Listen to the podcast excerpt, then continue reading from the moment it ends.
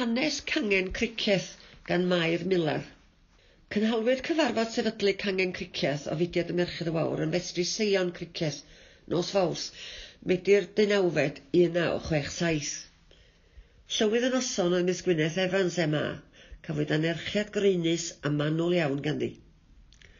Cyflwynwyd amlenilliad o amcanion a delfrydau'r mudiad gan Mrs Sonia Bowen a Mrs Silwen Davies o'r Parc Cabala sef dwy o'r sylfaenwyr y myndiad, mudiad a obeithir a ddawn genedlaethol.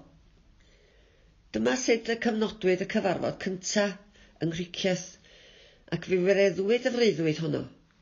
Roedd te hanner cant o ferched yn y cyfarfod cyntaf, a mawr yw ein diolch i Margaret Rhys Owen am yrru'r cwch i'r dŵr ac ymroi yn llwyr gan gychwyn ar y gwaith o sefydlu'r drydedd gangen yng Nghymru a mae yna lun o Margaret Rhys Owen, A yr un a sefydlodd y gangen gyda chymorth llawer o ffrindiau a bu'n aelod dros hanner canrif ac yn falch o allu deud hynny. Aeth Margaret gyda cymorth ffrindiau ddrws i ddrws i ddosbarthu taflenni a chasglu enwau rhai a oedd yn awyddus i ymelodi. Erbyn rhagfyr 1967, roedd cant o aelodau yn perthyn i'r gangen. Yn y cyfnod hwnnw, deiau rhai o Borthmadog – Llanystumdwy, Golan, Rhoslan a Arndal Bumain a'r gangen yn tyfu o nerth i nerth.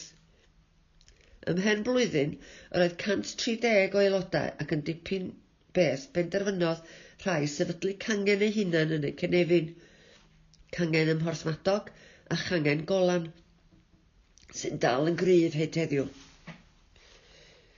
Roedd bwrlwm yn y cyfarfodydd a heblaw am y capel Doedd dim cymdeithas Cymraeg arall yn bodoli yma. Byr gangen yn brysur yn trefnu nosweithiau cymdeithasol ar gyfer yr aelodau, o noson trin blodau i trin gwallt, o hen feddygyniaethau a choginio, a nosweithiau llenyddol a hanesyddol, rhywbeth at ddant pawb.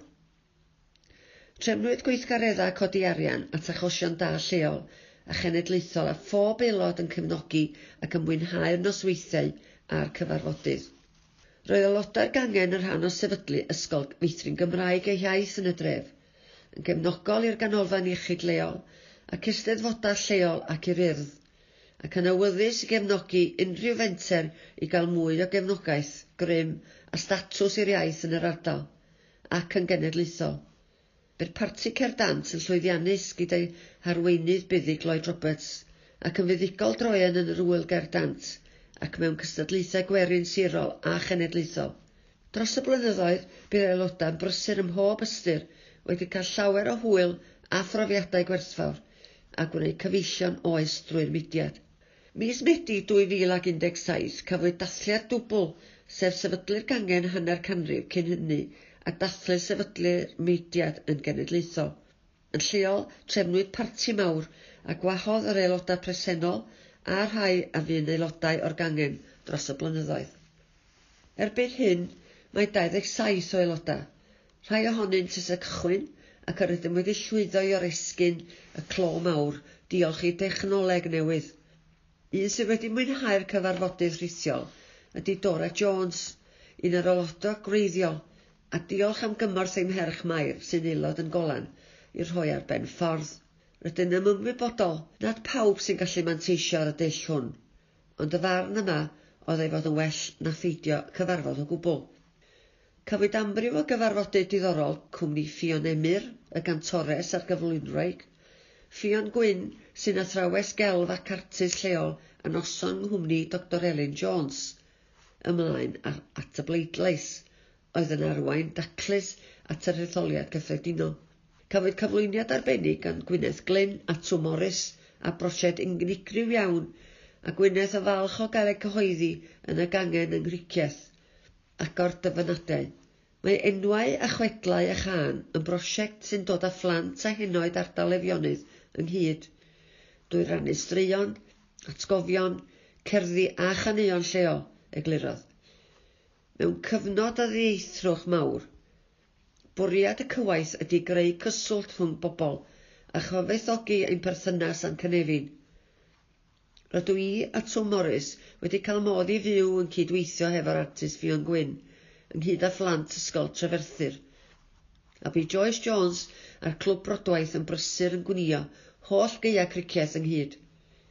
Edrychwn ymlaen at gael lansio ffilm cyn bo hir, fydd yn cwpasu holl elfennau gweledol a cherddorol y gwaith. Ydym hefyd wedi sicrhau yn cysylltiad gyda rhai nad oedd ar sŵn yn ystod y cyfnod a dosbarthu'r wawr i'r aelodau. Fel y cafwyd hawl i gyfarfod yn yr awyr agored, ac amryw yn awyddus i wneud hynny. Trefnwyd cyfarfod blynyddol ar y lawnt ger y traeth yng Nghyrciaeth. Daeth pob un eich adar a phaned ac fe baratwyd ein teithio'n melus, blasus o'r llyfr, curo'r corona'n ciginio, ar gyfer pawb, pnawn hynod lwyddiannus, a'r gobaith ydyw gallwn wneud hynny eto cyn diwedd yr haf. Cytunwyd yn y cyfarfod mae cyfarfod ar sŵm eto fyddai orau ar gyfer y cyfnod o fus Medi tan y Nadolig. Hyderwn wedi hynny y bu pethau'n well ac y gallwn gyfarfod wyneb yn wyneb. Does neb a wyr sut le fydd arnom, ond pwyll pia hi ydy'r gred yma yng Nghangen Cricieth. Llwyddid i gael nawdd gan y Lotri Genedlaethol ac wnaeth yr aelodau cydweithio gyda Bill Swan, artist gwydr, i greu murlen i ddathlu'r achlysur. Mae i'w weld wrth y fynedfa i'r maes parcio yng nghanol y dref. Cafodd pob aelod oedd yn dymuno gyfle gyfrannu mewn dosbarthiadau i greu'r murlun ac oedd yn brofiad arbennig iawn. Fe ddadorchuddwyd y gwaith gan Liz Safel Roberts, yr aelod seneddol lleol. Yr ail ddigwyddiad oedd i ni gael cais gan y Pwyllgor Rambau i drefnu cyngerdd ddathlu sefydlu'r mudiad yn genedlaethol yn y neuadd goffa. Daeth aelodau o bob cangen drwy ddwyfar at ei gilydd i gyflwyno eitem o'i dewis ac fe gafwyd cyflwyniad safonol ac arbennig.